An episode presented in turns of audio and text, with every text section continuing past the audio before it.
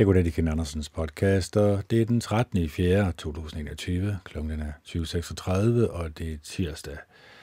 Og i dag skal vi jo tale sammen. Eller vi skal i hvert fald besøge bogen, tale sammen, vejen til et bedre parforhold.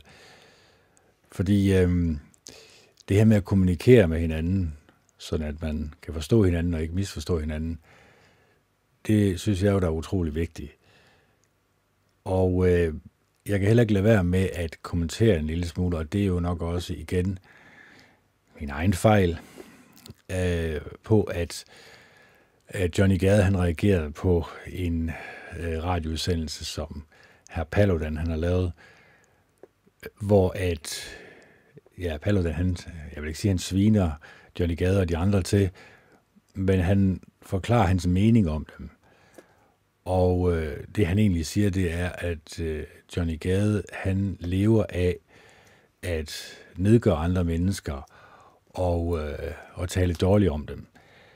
Og det, øh, kan man sige, det lader Johnny Gade jo ikke øh, lade uhørt hen, må man sige. Han øh, til sidst øh, tror ham med en øh, boksekamp. Altså, hvis vi nu sådan ser lidt det på helikopterperspektiv, og hvis man sådan kan se sig selv lidt for oven, men det er der ikke nogen af dem, der kan, øh, hvis man analyserer, hvad Johnny Gade han siger i hans videoer, ja, altså, han nedværdiger jo rigtig meget øh, øh, Fie Laversen. Det, det er jo hans niche, ikke også? Altså, uden hende, så var han jo ikke ret meget værd øh, eller i hvert fald ikke havde ret mange serier. Og, øh, og så er han jo også kendt for at, ja, altså, jeg vil ikke sige tale nedværdigende. Jo, hvis man siger, at Susi og Leo, de ligner en eller anden øh, sækkestol, der er tømt, eller hvordan var han formulerede det. Det er jo ikke særlig pænt og rart. Altså, hvis øh, jeg gik over til min nabokone og kaldte hende en hel masse ukvemsord, så kunne jeg godt regne med, at manden han kom og gav, gav mig nogen på lampen. Og kunne jeg ikke også godt have forudset det? Altså, det her med karmaloven, som jeg har talt meget om, det man sender ud, får man mange gange igen. Og også det her med, at der er ikke ret mange mennesker, der ønsker at ændre sig selv. Altså, vi kan godt se alle mulige andre menneskers fejl, og vi er utrolig gode til at påpege andre menneskers fejl. Men vores egne, lige så snart det bliver påpeget, at vi har de her dårlige personlighedstræk, vil jeg jo kalde dem, ja, så bliver vi gale, så bliver vi sure, så, så angriber vi. I stedet for måske se lidt mere nøgteren på det, og så se mere analytisk på det, og analysere os selv og sige, mm, kunne det have noget på sig? Kunne man lave en kavalkade over øh, alle de dårlige ting, som Johnny Gade han har sagt om hans medmennesker, kan man så analysere ud fra det, at øh, det er ikke særlig pænt sagt, det han siger. Fordi hvis vi kan det, jamen så vil vi nok nødvendigvis også konkludere, at hr. Paludan han har ret. Og det er nok derfor, at Johnny Gade han bliver så sur. Og reagerer på det. Men det her med at sidde bag en skærm og reagere på andre menneskers øh, andre menneskers øh, meninger, det har jeg også gjort i, nu, ja, nu har jeg lavet 1200 videoer, og det er jeg gået væk fra, fordi det kan simpelthen ikke svare sig. Det kan ikke betale sig. Altså, jeg har jo besluttet mig for, at arbejde på mig selv som et menneske. Altså gå dybt ind i mig selv og lære mig selv at kende og sige til mig selv, når jeg finder de her personlighedsfejl i mig, når jeg finder den her tankemønster og tankegang, som kan få mig på afveje, kan få mig over i et dårligt humør, jamen så er det klart, så skal jeg bremse mig selv. Altså, min podcast skulle gerne handle om, at jeg skaber så meget lykke og glæde i mit eget og andre menneskers liv. Derfor bliver jeg også nødt til at fokusere på det, som skaber livsglæde og lykke. Og det gør det her jo egentlig ikke. Altså hvis jeg beskæftiger mig med de negative personlighedstræk, altså jeg siger det mange gange med, at vi samler alle sammen rundt, eller vi slæver alle sammen rundt på en skraldespand, og den skraldespand, nu kan jeg kun definere min egen, men den får os til at tænke, dårligt om os selv og om andre. Og i min skraldespand, der er der voldelige computerspil, voldelige film, film som portrætterer menneskers dårlige egenskaber som noget, man kan lade sig underholde med, samt de asociale medier, øh, Facebook, Twitter, Instagram og alt den skrald, samt øh, hele den danske øh, statsejede presse, som konstant fortæller dig, hvad du skal frygte, og fortæller dig selvfølgelig også løsningen på din frygt. Og så til sidst, så er vi så et sted hen, hvor vi ligner mere øh, Rusland og nogle af de andre diktatoriske lande, fordi vi har sagt ja til det her. Fordi vi har tilladt det her at komme ind i vores sind og påvirke os i en negativ retning, så vi føler os ensomme, vi føler os dårligt tilpas, vi føler de her negative følelser indvendigt. Og dem vil jeg jo gerne væk fra. Jeg vil i hvert fald gerne gøre et oprigtigt forsøg på det. Og hvis I kan høre noget i baggrunden, så er det en eller anden motorcykel, der... Ja, det er også sjovt lige at komme ud og teste sådan en af. Men, øh, men hvis jeg stille og roligt skal forklare, øh, hvordan jeg arbejder på min egen personlighed, det har jeg gjort mange gange før, men det har jo noget at gøre med, at når der er nogle negative, og der skal vi også definere negative tanker, som kommer ind, ind i mit sind, jamen så skal jeg gøre noget for at bremse dem, for at stoppe dem, for at sige nej tak til dem, for at fylde mit sind og mit hjerte med noget mere opmuntrende.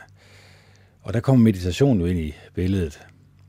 Fordi når vi mediterer over vores vejrtrækning, hvor vi tæller vores vejrtrækning, så finder vi ud af, at vores sind har en mani med at, eller vores indre stemme har en mani med at få os på afveje, hvor vi tænker dårligt om os selv, og så selvfølgelig også om andre.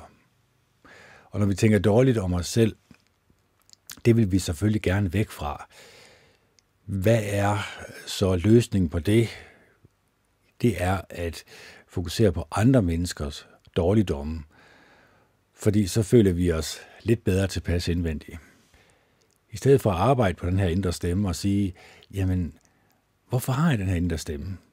Hvorfor, hvorfor er den der egentlig? Kunne det tænkes, at jeg kunne ændre på det? At jeg kunne på en eller anden måde skrue øh, volumeknappen ned på den her indre stemme, som ikke er særlig pæn og rar at høre på? Og der er svaret ja. Det kan det. Men det kræver en indsats.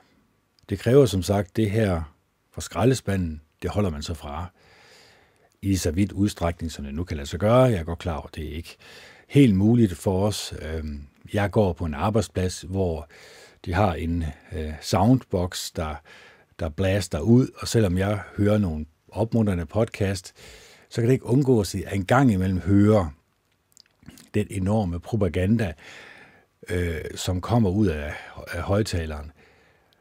Og det er jo altid noget med, at øh, ja, i øjeblikket der er det jo corona, og det er vaccine, og det er vaccinepas, og det er snyd med vaccinepas, og det er konspirationsteorier,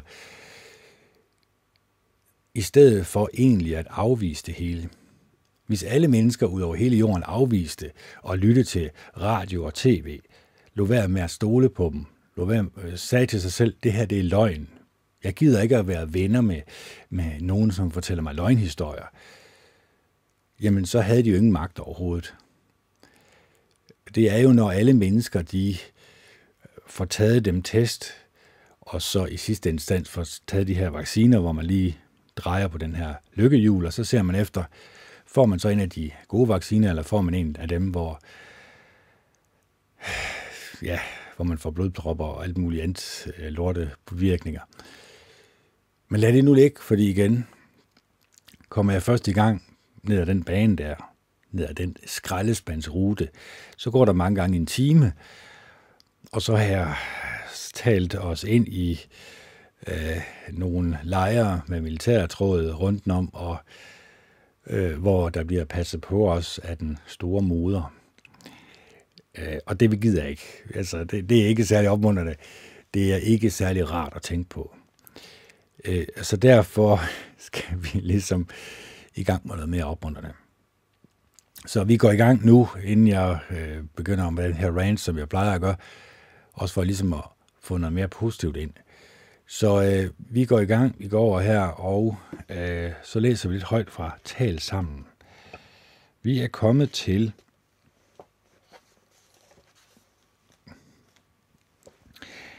Hvad har andre par i nystiftede familier gjort? Vi vil nu gennemgå et eksempel fra et andet par, Lars og Eva, som har lært at tale om følelser. De har været sammen i nogle år nu, men har først inden for de seneste år eller par år fået børn. De siger begge, at de først nu er blevet en familie, for tidligere var de blot et par, som i høj grad levede hver deres liv. Eva køber altid økologiske produkter. Det gælder også cremer og makeup. For det første er det sundere, og for det andet ser det pænere ud, mener Eva. Men dyrt er det, erkender hun. Eva har et job, hvor hun tjener godt og skal være præsentabel. Når hun kommer hjem fra arbejde, har hun nogle gange lige været forbi en butik, fordi der var nogle nye økologiske produkter, jeg har kigget på i lang tid. Eva bruger let over 100 kroner, nogle gange mere på disse indkøb.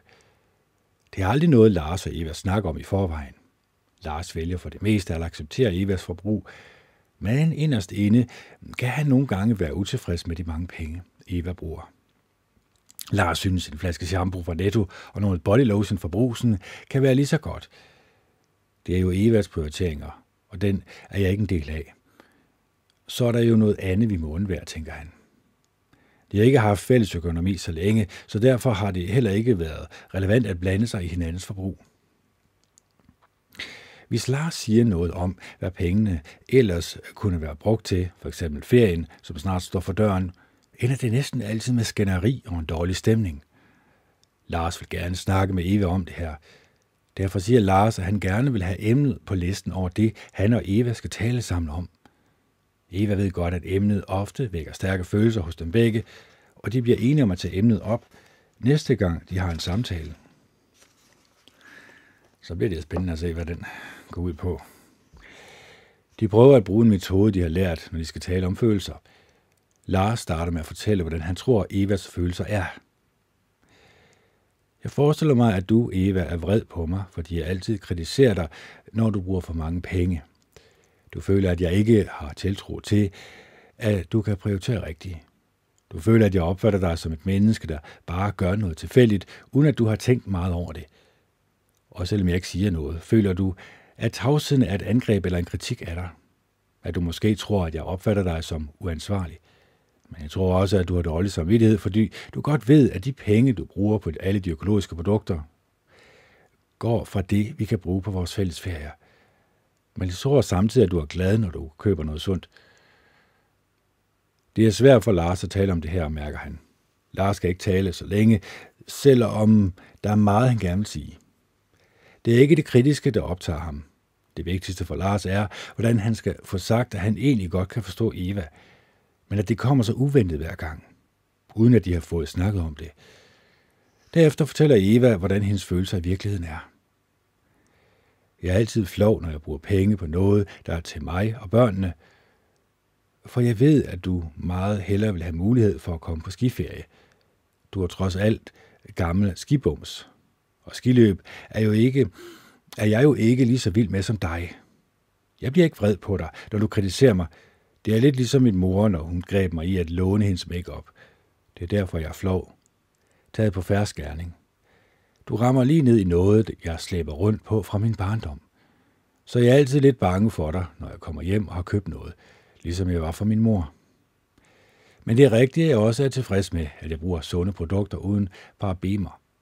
For mig betyder det meget at bruge en flot makeup på grund af mit job, hvor jeg jo hele tiden møder kunder, når jeg køber noget økologisk shampoo til dig, køber jeg det, fordi jeg gerne vil passe på dit helbred. Jeg kan ikke forstå, at du ikke bliver glad for det. Jeg føler, at jeg ikke kan gøre noget godt nok. Selv når jeg synes, at du burde være glad, oplever jeg, at du bliver sur på mig. Lars slutter denne del af samtalen med at reflektere over det, Eva har netop har sagt. Det kommer helt bag på mig, det med din mor. Jeg har aldrig tænkt på, at det er sådan nogle følelser, du har. Tænk engang, at du bliver flov. Jeg havde set det som vrede. Det vil jeg virkelig tænke over i fremtiden.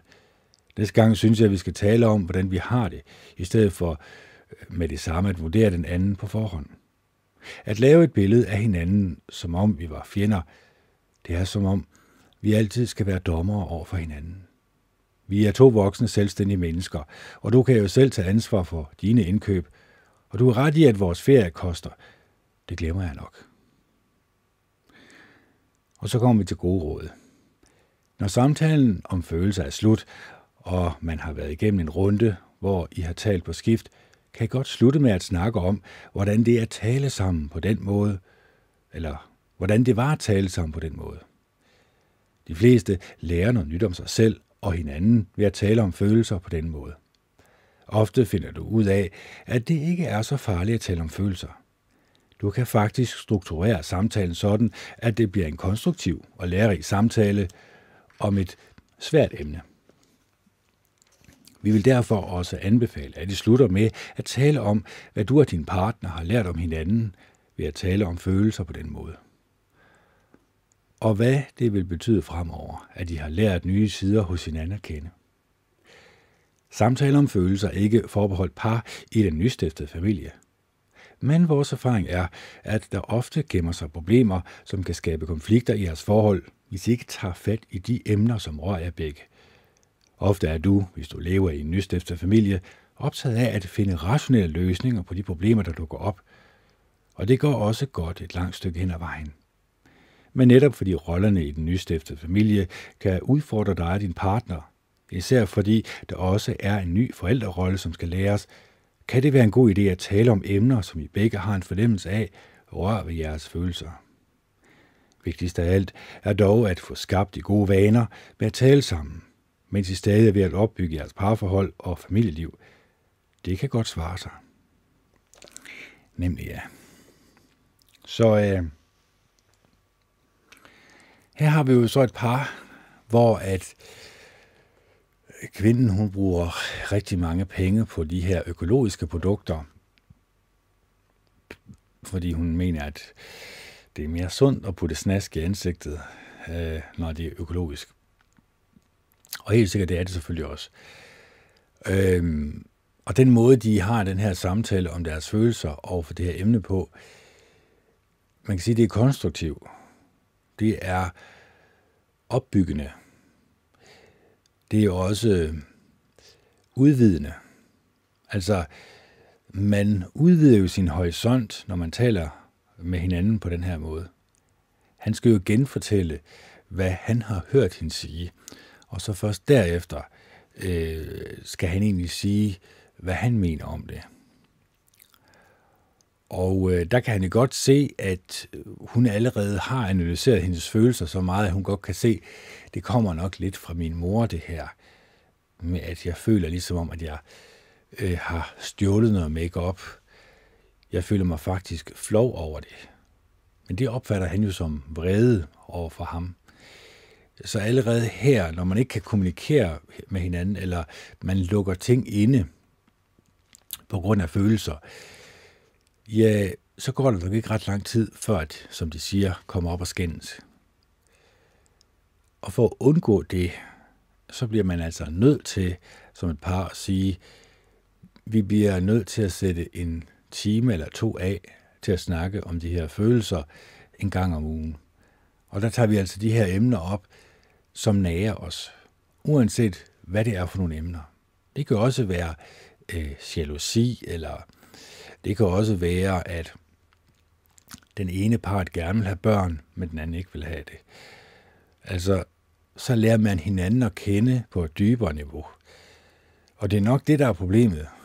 Det er, at langt de fleste mennesker ønsker ikke at lære hinanden at kende på et dybere niveau, fordi det kræver jo at jeg som menneske åbner mig op og taler om mine følelser.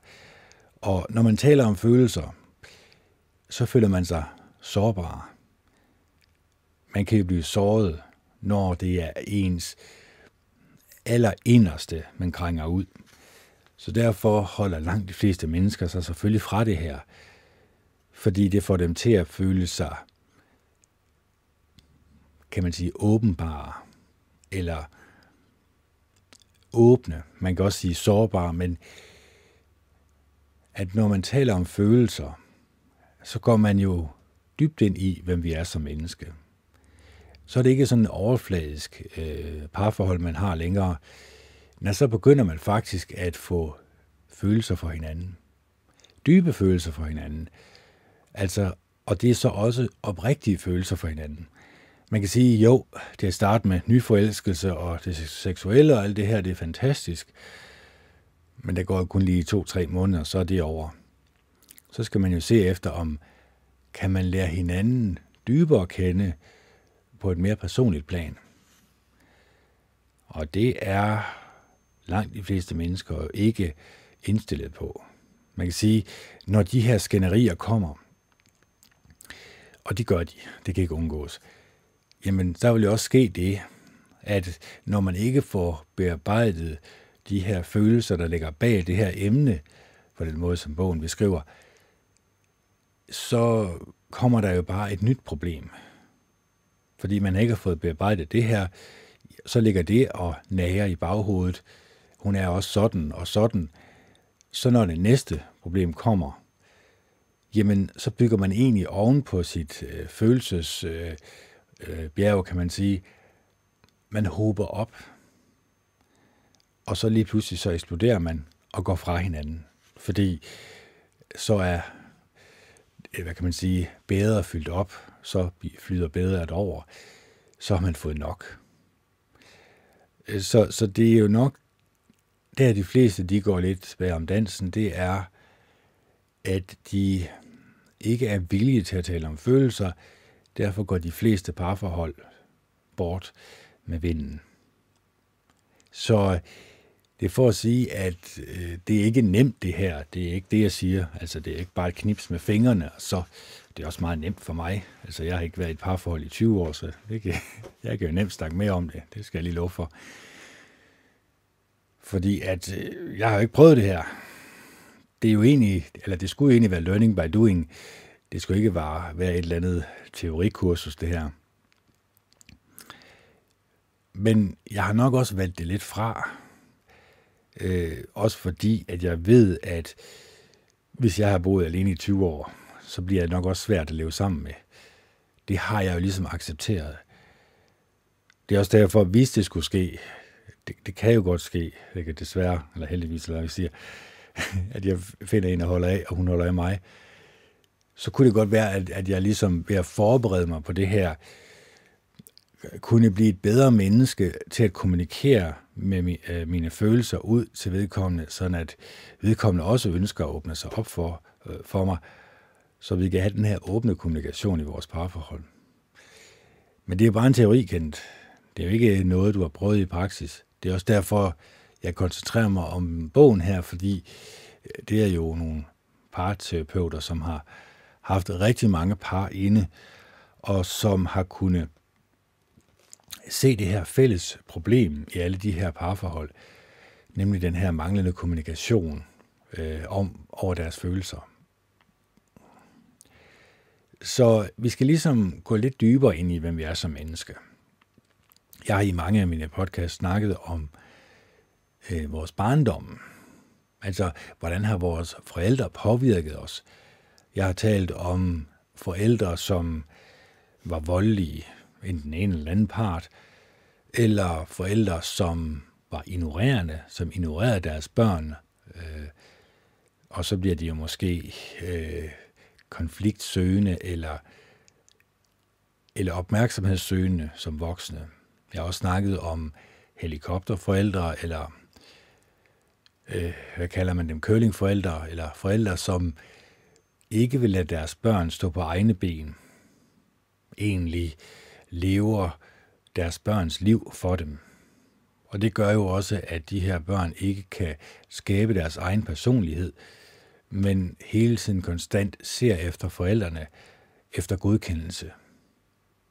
Og, og mange af, af de her mennesker kan aldrig rigtig komme ud over hørtlen af at få et alvorligt parforhold, eller et parforhold, hvor et andet menneske kunne elske dem lige så højt, som deres forældre har, fordi deres forældre har ved deres overbeskyttelse egentlig sørget for, at deres barn aldrig nogensinde bliver voksen. Det er jo også lidt ærgerligt. Og der er rigtig mange forskellige personlighedstræk, og jeg siger ikke, at alle mennesker er påvirket af det her. Man siger jo egentlig, at den indre stemme stammer egentlig fra vores far og mor, og hvis den havde været særlig kritisk, jamen så har vi også en særlig kritisk øh, indre stemme. Øh, men hvis, hvis vi har haft nogle forældre, der har været ignorerende, jamen så har vi måske haft en, en opmærksomhedssøgende indre stemme, eller hvad det nu kan være. Altså den her psykologiske påvirkning, vi har haft fra vores fortid, den kan vi selvfølgelig ikke løbe fra, men vi kan blive opmærksom på den. Vi kan arbejde os igennem den, og vi kan komme videre på den anden side. Og selvfølgelig, der findes også ekstreme tilfælde. Altså forældre, som virkelig har seksuelt misbrugt deres børn, eller slået dem til plukfisk, eller gjort mange grusomme ting, eller været tyranniske over for deres børn, øh, vist i ord og handling, at de ikke elskede dem. Det er klart, de svære traumatiske oplevelser, de børn har haft, øh, hvis man er voksen og har haft de her oplevelser, så er det selvfølgelig varmt anbefale, at man søger professionel hjælp. Man søger en øh, psykolog eller en psykiater, fordi så man kan få talt de her ting igennem med en professionel, som har en, jeg ved godt, statsuddannet uddannelse, men stadigvæk en uddannelse, hvor at der er nogle, nogle strukturer, som egentlig sørger for, at man ikke lader sig følelsesmæssigt involvere i den person, man taler med. Det er nok også øh, meget svært. Det er det for mit vedkommende. Jeg kunne aldrig være psykolog eller psykiater, fordi jeg ved, at jeg kommer til at involvere mig i patienterne for meget. Jeg kommer, jeg kommer til at blive for meget følelsesmæssigt involveret, fordi det er jeg i mine venner, det er jeg i de mennesker, jeg taler med, fordi jeg ønsker jo, at de skal have det bedste liv overhovedet muligt. Jeg ønsker, at de skal være glade og lykkelige. Jeg ønsker, at de øh, skal have så stor en mulighed i livet for at opleve så meget glæde og lykke og fornemmelse for, at de er glade og lykkelige, når de stopper om morgenen. Det er egentlig også hovedformålet med os mennesker. Det er at få hinanden til at være glade og lykkelige. Hvor kommer, hvordan kommer vi så derhen? Ja, altså, det, det er jo ikke øh, det nemmeste i verden. Det er en meget, øh, jeg vil ikke sige meget stor byrde, jeg har valgt. Nej, det er sådan set en let byrde. Fordi at ved at jeg har arbejdet på mig selv bare en lille smule hver dag, det har også gjort, at øh, jeg kan selvfølgelig også kunne tale for mig selv, men at min tankegang omkring mig selv er blevet bedre. Min tankegang om andre mennesker er blevet endnu bedre. Jeg tænker ikke så meget negativt om andre mennesker. Jeg prøver så vidt muligt ikke at fokusere på andre menneskers negative egenskaber. Nej, jeg prøver at se lidt bag om, hvem vi er som person. Jeg prøver at se det positive i alle mennesker. Prøv at se, om de også indeholder kærlighed og venlighed og ydmyghed og mildhed og alle de gode egenskaber. Jeg ser efter om, fordi vi alle mennesker, aller dybest inderst inde, er uendelig kærlighed. Og det vil sige, at vi har mulighed for at udvise uendelig kærlighed over for hinanden. Men langt de fleste mennesker, inklusive mig selv, kommer aldrig særligt tæt på. Og det har noget at gøre med vores ego, det har noget at gøre med de barriere, som vi har sat op for hinanden, eller over for hinanden, når vi øh, taler med hinanden.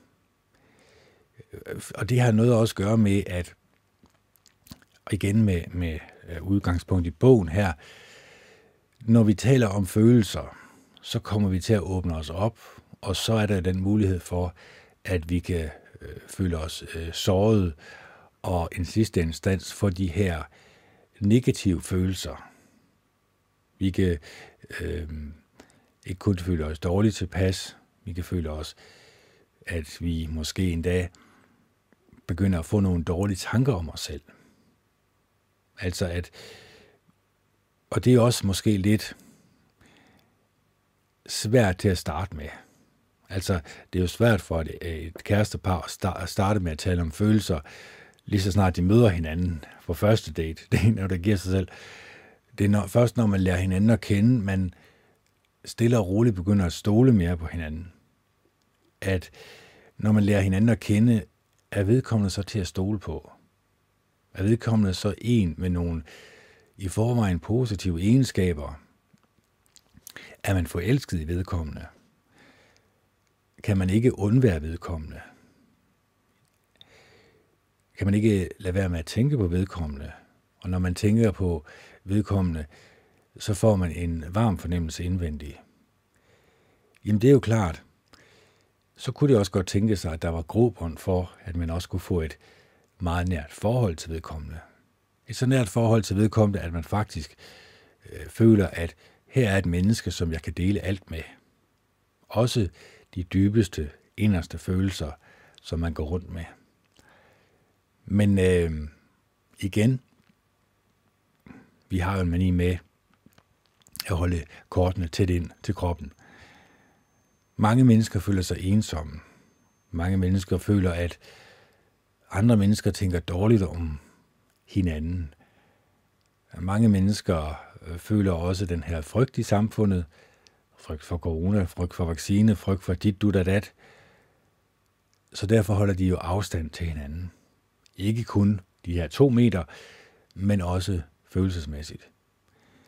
Og det gør, at vi mennesker går rundt i et samfund, fyldt op med mennesker, som egentlig ikke ønsker at lære hinanden at kende, eller selvfølgelig allerinderst inde ønsker at lære andre mennesker at kende.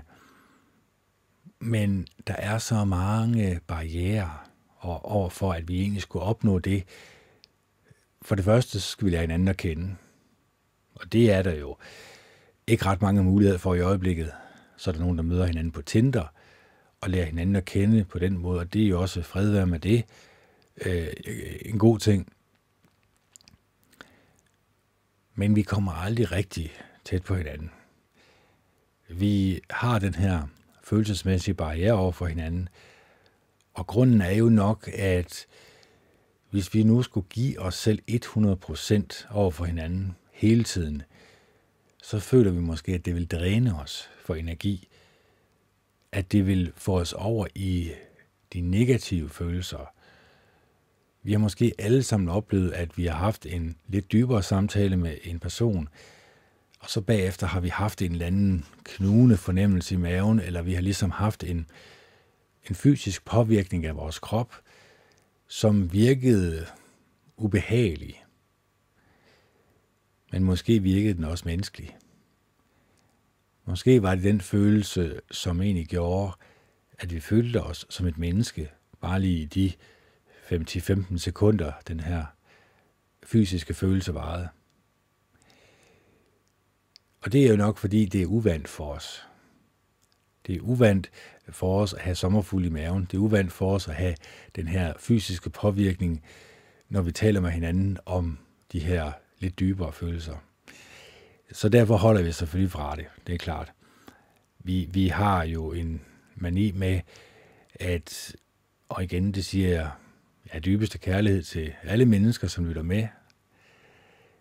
Vi har en egocentreret tankegang.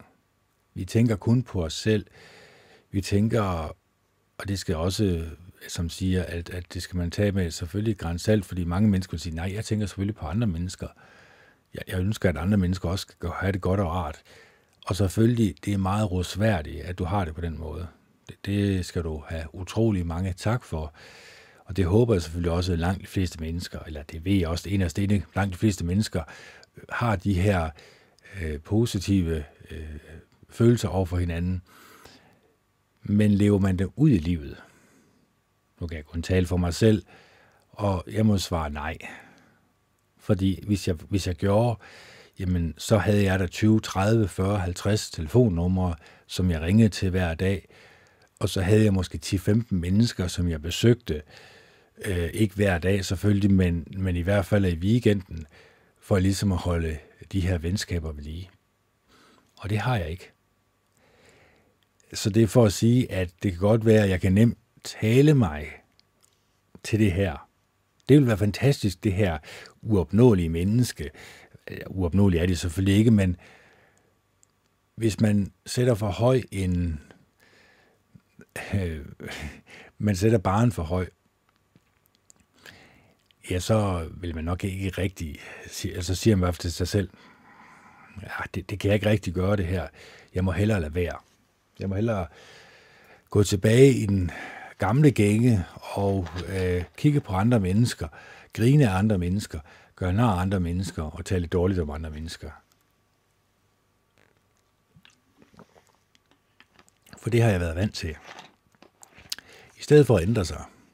I stedet for at sige til sig selv, ved du hvad, fra i dag af, der skal de holde op med det der. Der gør jeg en aktiv indsats for ikke at tale dårligt om andre mennesker. Der prøver jeg at lære mig selv at bremse mig selv, inden at de her ukvemsord kommer op i min mund, og jeg taler dårligt øh, og sover andre mennesker.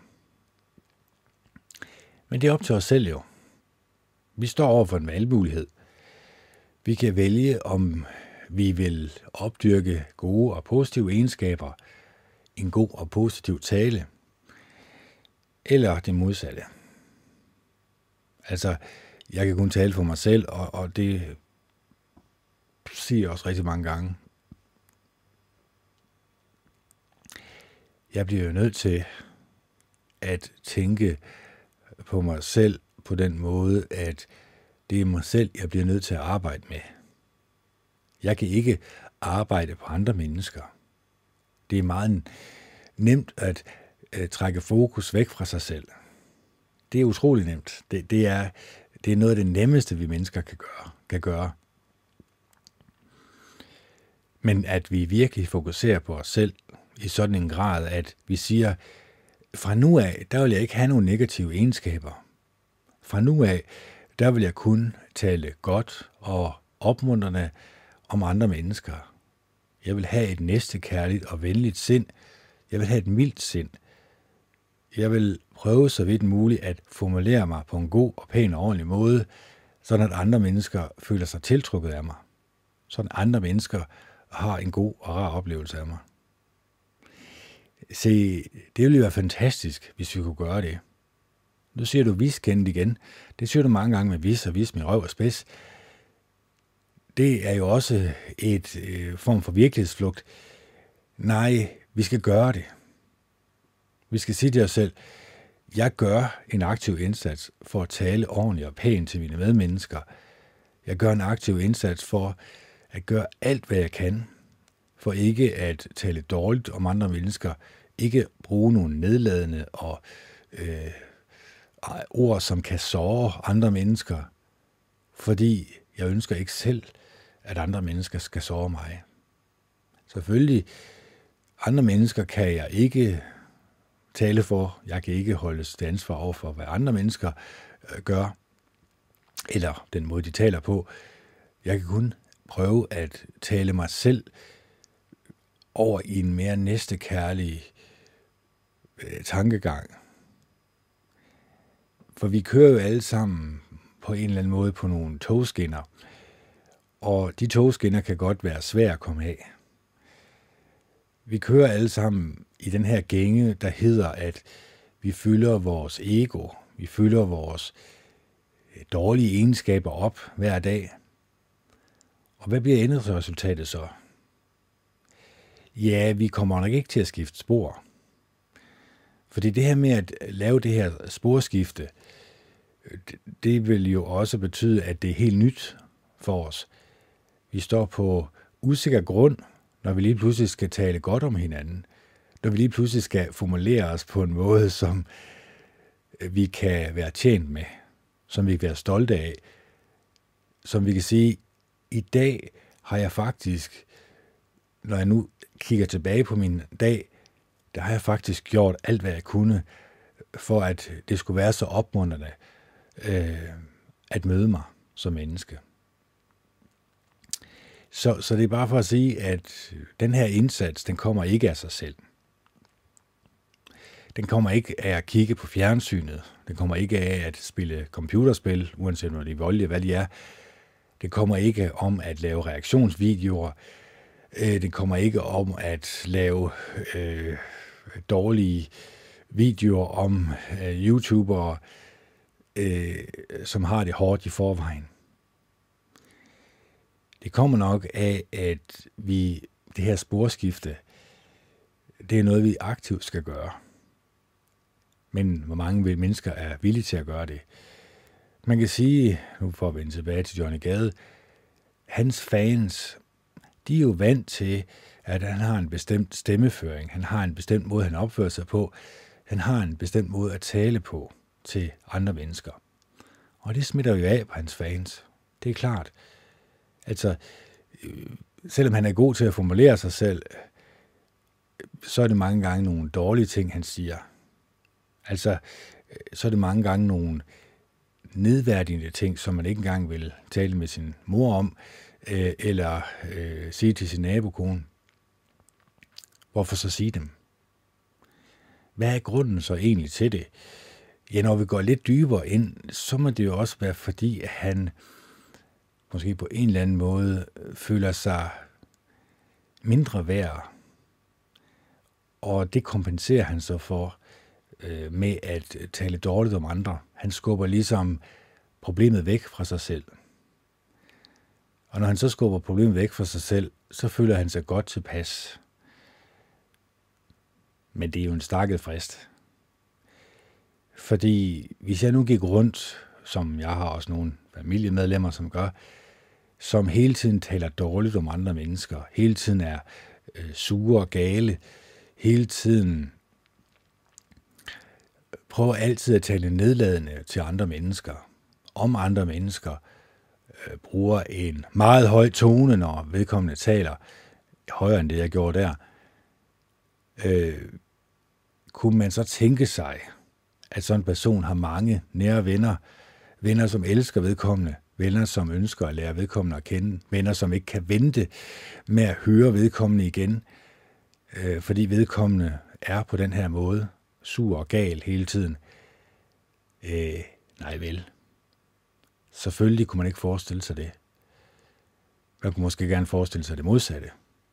At hvis det her menneske har brugt alt hans kræfter og tid på at læse om næste kærlige mennesker, som prøver at gøre en forskel i samfundet, som prøver at opmuntre, som prøver at være et menneske, som har et oprigtigt ønske om at glæde andre mennesker. Hvis man fokuserer på det, og begynder at analysere sig selv, det er det, mange mennesker ikke ønsker. Fordi når folk, folk de begynder at analysere sig selv, og begynder at sætte sig i de her kategorier, som egentlig hedder dårlige egenskaber, egenskaber, som er nedladende over for mine medmennesker, kontra de gode og positive egenskaber, som er opmuntrende for mine medmennesker. Når man begynder at analysere lidt sig selv, ja, så finder man jo ud af, hvor skoen den trykker. Så finder man jo ud af, hovsa, det var ikke så godt, det jeg sagde der, om Susi og Leo, der lignede en eller anden tømt sækkestol, eller hvordan var han formuleret det. Det er da helt sikkert, at der er mange, der griner af det. Undtagen Susi og Leo selvfølgelig. Det er bare for at sige, at øh, vi kan altid angribe andre mennesker på deres udseende, på den måde, de er på, på den måde, de agerer på. Men det er jo ikke den måde, Jehova Gud den Almægtige, han reagerer på. Han ser alle mennesker lige, og han siger også i hans ord, hvad han mener om det. Den måde, vi behandler andre mennesker på. Han siger det meget direkte, at vi skal holde op med at dømme andre mennesker, sådan vi ikke selv skal blive dømt. Og det betyder jo, at vi skal lade være med hele tiden at tale dårligt om andre mennesker. Sladder er noget af det værste, du kan udsætte dig selv for, fordi det skaber jo grobund for, at du i fremtiden kunne blive et meget dårligt menneske, som ingen gider have noget med at gøre. Så det er for at sige, at min podcast, den skærer meget igennem. Den deler mange mennesker op i et A-hold og et B-hold, kan man sige, men forstået på den måde, at hvis du ønsker at arbejde på dig selv, hvis du ønsker at arbejde på din tankegang, hvis du ønsker at stå op hver morgen glad og lykkelig og ønsker at lære andre mennesker at kende, ønsker at komme på arbejde frisk og veludvilet og glad, så skal du gøre en aktiv indsats for det. Det kommer ikke af sig selv.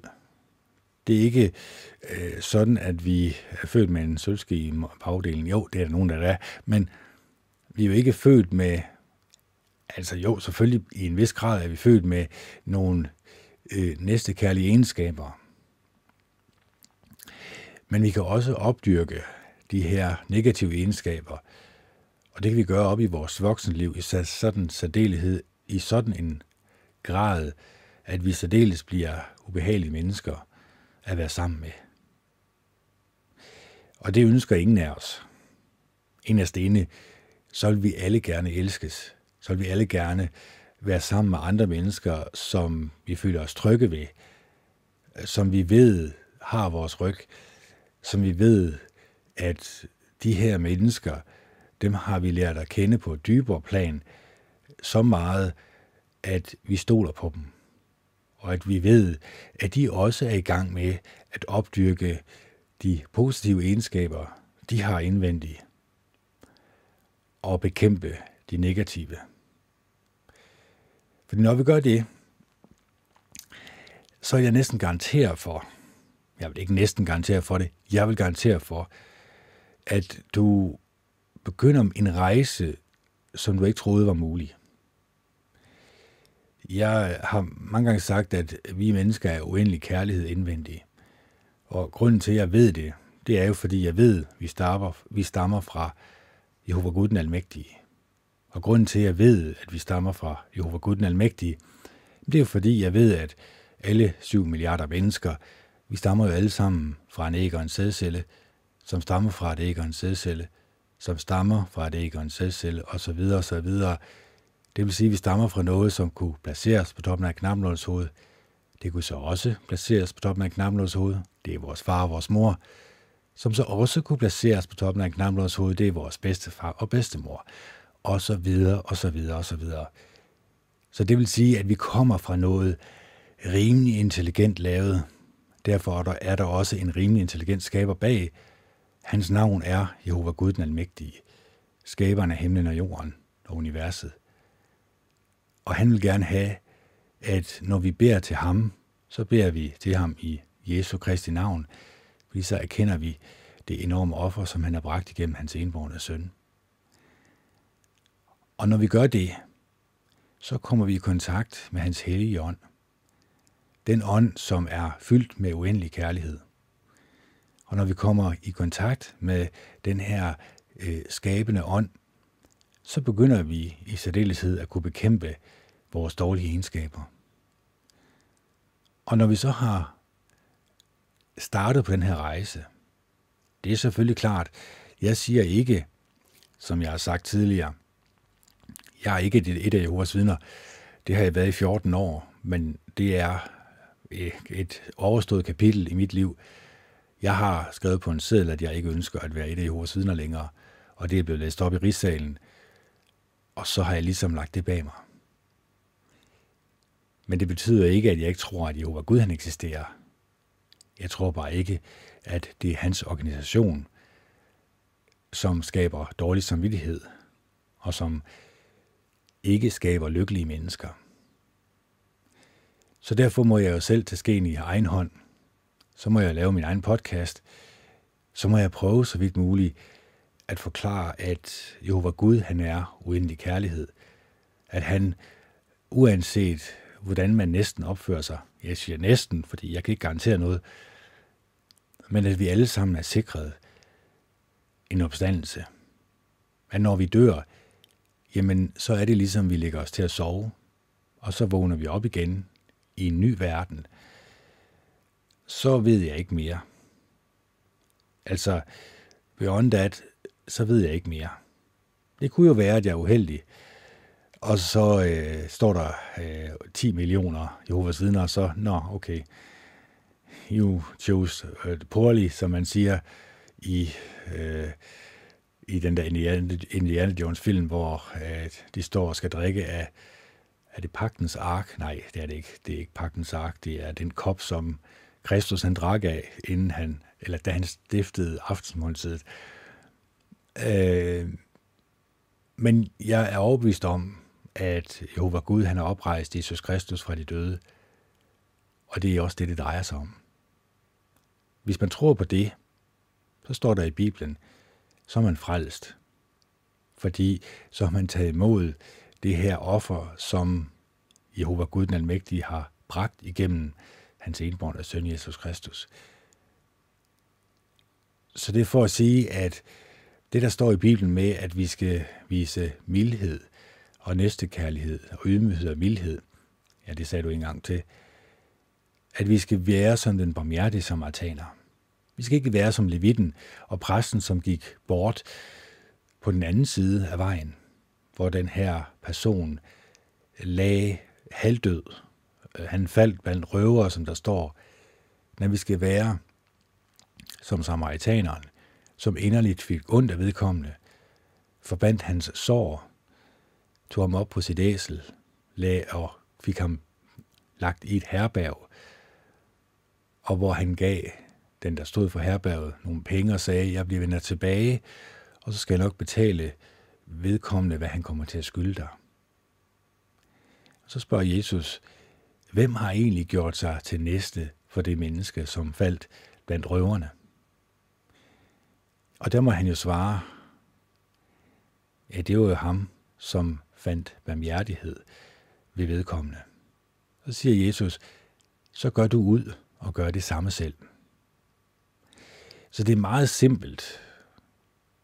Men de fleste mennesker er ikke villige til at gøre den indsats, det kræver at åbne så meget, så meget op for sig selv, at de udviser uendelig kærlighed til sig selv og til hinanden.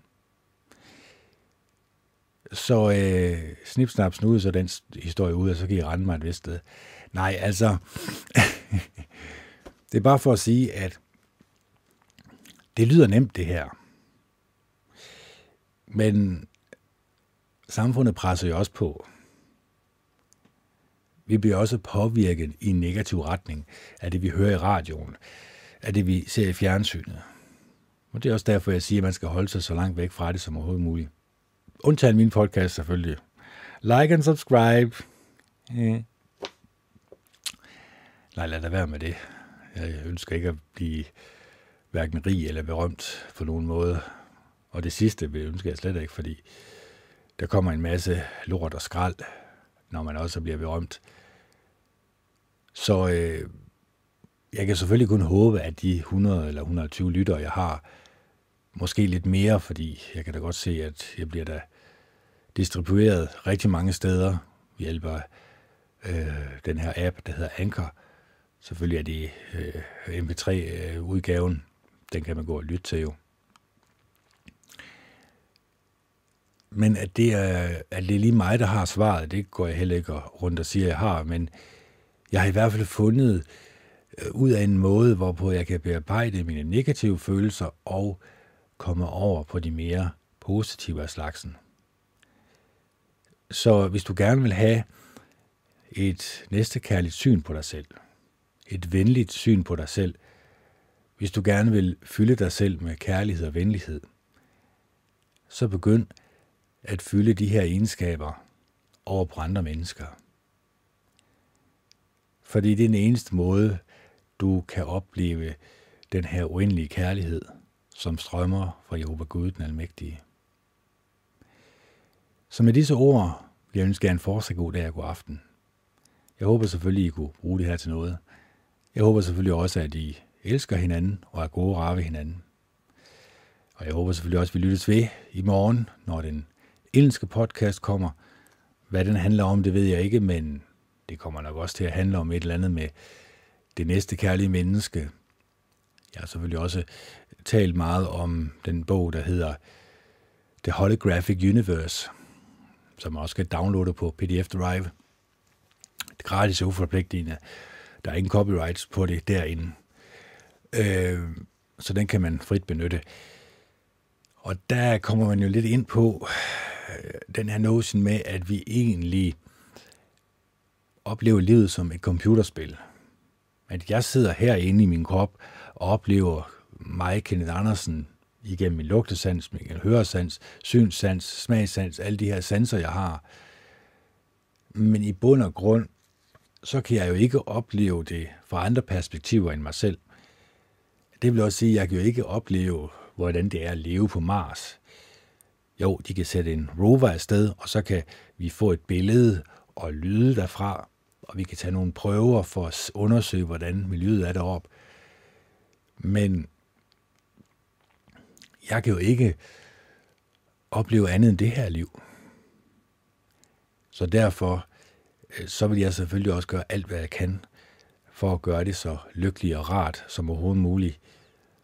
Og det gør jeg jo ved inderst inde at arbejde på mig selv, arbejde på den uendelige kærlighed, som jeg gerne vil have, også gerne skulle flyde fra mig over på mine medmennesker.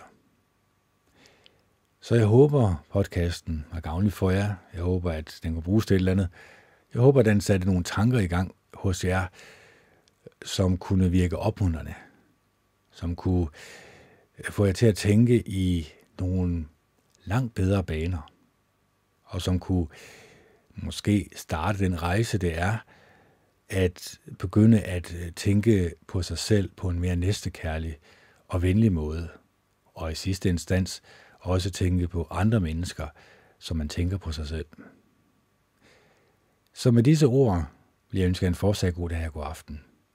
Det er det Kent Andersen, der signer off. Det er den 13. 4. 2021. Klokken 21.33. Og det er tirsdag. Hej hej.